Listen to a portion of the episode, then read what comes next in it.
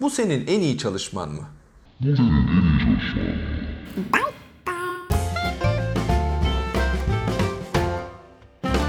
Merhaba ben Mustafa Bayındır. Merhaba ben Erdem Erem. Böcük İlacı isimli podcast ve YouTube serimizin podcast kanalındaki bir yeni programına daha hoş geldiniz sevgili. Hoş geldiniz arkadaşlar. Erdemciğim bugün bir hikayeyle geldim. Evet üstad. Kıssadan hisse Hadi bakalım anlat. kıvamında. Anlat. Anlatayım onu onu beraberce bir analiz edelim sence. Hadi bakalım. Tamam. Sen güzel öyküler anlatırsın her zaman. Bakalım ne Ee, çıkacak bu sefer. bunu farklı kişilere ithaf ettiklerini biliyorum. Yani bir fabrikadaki yöneticiyle o yöneticinin yardımcısı arasında geçen diyalogmuş gibi düşünelim bunu. Başka isimlere atfetmeyelim. Konu böyle başlıyor. Neyse e, yöneticisi yardımcısından bir rapor hazırlamasını istiyor. Yardımcı rapor hazırlamasını istediği konuyla ilgili raporu güzelce hazırlıyor. Ondan sonra da yöneticisine götürüyor. Yönetici diyor ki bu senin en iyi çalışman mı? Yönetici bu soruyu sorunca yardımcının kafa takılıyor. Diyor ki herhalde raporda eksik şeyler buldu. Düşünüp Tekrar geliyor. iyi olmadığından endişelendiği için sanırım daha iyisini yapabilirim deyip raporu geri çekiyor. Tekrar hazırlamak istiyor. Neyse tekrar üzerinde revizyonlar yapıyor vesaire şu bu. Bir kez daha yöneticisine götürüyor raporu. Yönetici diyor ki bunun en iyi çalışman olduğundan emin misin O da diyor ki hayır diye değilim. yazılı bir notla geri gönderiyor. Ha, yazılı notla geri gönderiyor. Bu sefer yardımcı yöneticinin raporu okuduğunu ve hala iyileşmesi gerektiğini düşünerek hayır diyor. Daha iyisini yapabilirim. Neyse çalışıyor, ediyor vesaire. Üçüncü bir revizyon gönderiyor. Ve yöneticisine diyor ki raporu getirdim. Yönetici tekrar aynı soruyu soruyor. Bu senin artık en iyi çalışman mı? Yardımcı diyor ki evet bu benim en iyi çalışmam. Yönetici de diyor ki "Ha, tamam o zaman okuyabilirim diyor. Evet yardımcının iç sesini şu an söylemek istemiyorum. evet bu öykü e, Ama çok- güzel değil mi? Yani e, nasıl diyeyim? Kıssadan ise gerçekten hikayenin içerisinde çok güzel e, Var. ne bileyim bizim için mesajlar var diye düşünüyorum. Özellikle yöneticinin davranışı. E, malum podcast kanalımızdaki yayınları profesyonel hayatta çalışan çok fazla arkadaşımız takip ediyor. Aynı zamanda senin iş hayatına hazırlanan, üniversitedeki okuyan dostlar, öğrenciler dostlarımız takip ediyorlar. Yani herkes için aslında Var, var. e, iş hayatına yönelik, profesyonel hayattaki bakış açısına yönelik çok güzel mesajlar var diye düşünüyorum. Sen ne düşünüyorsun? Ya kesinlikle e, hani ilk aklıma gelen şey e, mesela şu yaptığın işe yüklediğin anlam bence çok önemli. 10 numara değil mi abi? Evet, yani anlamlandırma işi yani ben buna hangi anlamı yüklüyorum bence bu öyküde çok güzel anlatılıyor. oturuyor. Yani Evet. yöneticinin de zaten vermeye çalıştığı mesaj biraz o değil mi? Evet. Yani, sen bunun üstüne ne anlam yükledin? En iyi çalışman mı bu mesela? İşte o en iyi çalışma ve e, kişinin aslında daha iyisini yapabilirsin, daha iyisini yapabilirsin. Biliyor potansiyelini yönetici burada. O potansiyelin aslında ortaya çıkmasını sağlıyor.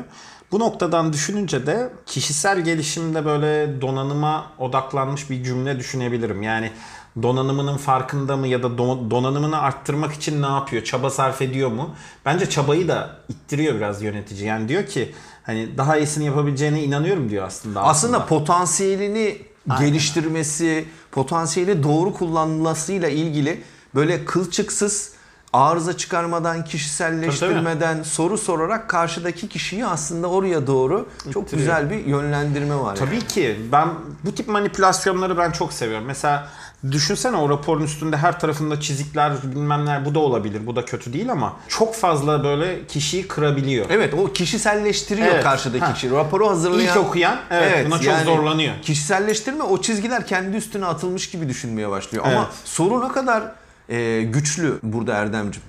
Emin misin? Emin misin? Bunun en iyi çalışman olduğundan emin misin? Ya bence zaten oradaki eminlik kişinin kendinden eminliğine de gidiyor. Ee, bireyin nasıl bir şey yaparsam gerçekten ben bunda alnım ak ben bu raporu veririme gidiyor. Ve kişinin kendi bence şu tarafı da çok önemli. Kişinin kendi yaptığına tekrar bir bakmasını sağlıyor. Dış dış gözle bakmasını sağlıyor.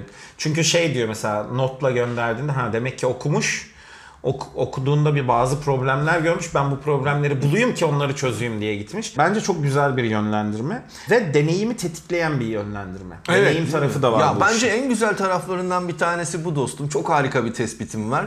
Aslında anlatsa, eğitim vermeye kalksa, öğretmeye kalksa bu kadar etkili olmayacak. Ama Kesinlikle. kişinin kendi deneyimiyle farkındalık yaşayıp o potansiyeli hayata geçirmesi konusunda net bir mesaj var tabii. Ben bunu e, şeyde çok yapıyorum. İşte bazı derslerimde yönetimi öğrenci arkadaşlarıma ya da öğrenen arkadaşıma bırakıyorum. Ve diyorum ki hadi bakalım e, kendini değerlendir. İşte böyle iyiydim, böyle kötüydüm. Emin misin sadece bu kadar mı diyorum. O anlatıyor. Şurası şöyleydi, burası böyleydi falan filan. Ve benim için o kendini görmesi aslında o deneyimiyle ancak var olabilecek. Çünkü cümle şu oluyor sonunda. Ben bunu kağıt üstünde düşündüğümde e, bu kadar hatasının olduğunu ya da burasının bu kadar iyi işleyeceğini ya da kötü işleyeceğini düşünememiştim diyor. Çünkü düşünce eylemin altında ezilir. Yani siz o düşünceyi gerçekten tam anlamıyla görmek istiyorsanız eylemde görmeniz Uygulamak lazım. zorundasın. Yani Aynen öyle. yani fikrin olabilir. Tabii. e, nesin kafanda bir kurgu ve senaryo olabilir. Metaksi siz de konuşmuştuk Tabii, tabii. değil mi?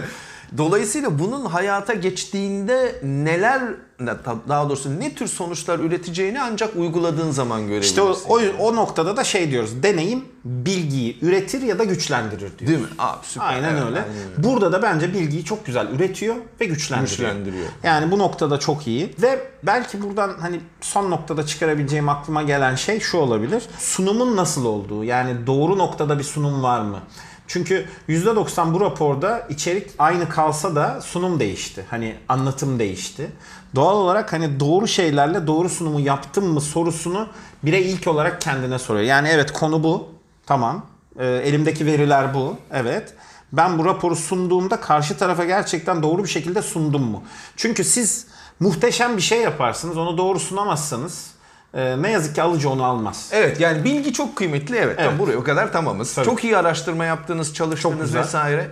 Ama doğru argümanı üretmediyseniz, doğru yöntemle onu karşı tarafa iletmediyseniz o zaman e, bilgi de maalesef e, nasıl diyeyim e, is- hak ettiği değeri kazanmayabiliyor. Dolayısıyla sunum da en az bilgi kadar, araştırmanın derinliği kadar önemli bir hale geliyor. Çok.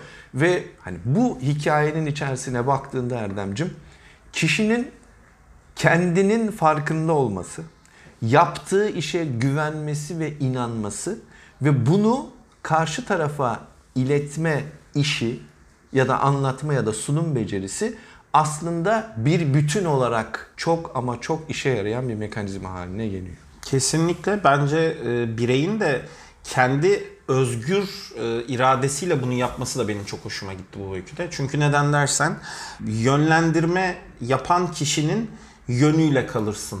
Eğer hani oradaki yönetici o yönlendirmede şunu şöyle yap, bunu böyle yap, bunu böyle yap deseydi o rapor yöneticinin raporu olurdu. Ama burada yönetici çok güzel bir şey yapıyor. Bireyi özgür bırakıyor, sunumu hazırlayan kişiyi. Özgür bırakıyor ve sen özgür değerinin içinde kendine yer buluyorsun. Bu çok güzel bir yönetici hareketi. Yönetici arkadaşlara bir cümle olsun bu. Çok güzel bir yönetici hareketi çünkü ona bir özgürlük alanı sağlıyorsun. Tamam o delegasyonu yapıyorsun ve ona özgürlük alanı sağlıyorsun ve o özgürlükten yürümesini istiyorsun. Öbür taraftaki kişi de o özgürlüğün farkında ve daha iyisini nasıl yaparım diyor. Bence burada bir tek problem oluşabilir. Çok fazla gönderirsek ket vurmuş oluruz. Yani tekrar tekrar bu üç üçlemedir ya klasik. Üç kere gönderilmiş ve gerçekten doğru nokta. Ee, Daha fazla olsaydı kişiyi, kişinin öğrenme, deneyimleme ya da hareket etme biz şey deriz, pekiştireç deriz. O pekiştireci alamayacaktı. Ee, Ben ne yaparsan yapayım olmuyorum gibi bir noktaya gelecekti. O noktada kurtarmış yönetici. İki ya da üçte bunu bırakmak gerekiyor. Bir başkası da mükemmeli beklemek ya da mükemmeliyetçi olmak. Çok mükemmeliyetçilik Keskin sirke küpüne zarar, zarar verir kendine. O yüzden çok mükemmeliyetçi olmadan ama gerçekten de buradaki eminlik durumu yani evet ben bunu tam olarak yaptım demesi aslında kendine güvendiğini gösteriyor. Mükemmel bir şey mi? Belki mükemmel değil. Tabii ki hata çıkacak. Bunu da kabullenmiş gösteriyor. Evet. Bugün ufak birkaç tane liderlik becerisi üzerine e, konuşmuş Bayağı olduk. büyük, ufak değil bence. Güzel bir hikayeyle sevgili dostlar. Şöyle kısaca özetliyorum hemen bitişe doğru. Ee, bir kere bu hikayeden çıkardığımız mesajlarla size vermek istediğimiz durum şu. Evet liderlik becerisi bazen bizim için bir böcük olabiliyor hayatımızda. Çünkü kendi hayatımıza liderlik ediyoruz. Yaptığımız işte liderlik ettiğimiz dostlarımızla profesyonel hayatta veya kendi işimizin başındaysak yine liderlik ettiğimiz durumlar var. Dolayısıyla bu hikayeden çıkardığımız sonuçlar şu. Bir, bir kere kişisel gelişimle donanımı arttırma konusunda e, hiç vazgeçmeden Devam. sürekli sürekli bunu yapmaya devam edeceğiz. Ondan sonra mesela anlam. En başta anlam demiştik. Anlamı yaptığınız şey anlam yüklememiz çok önemli. Evet yani o anlam aslında o işte başarılı olmamızın en büyük etkenlerinden bir tanesi dedik.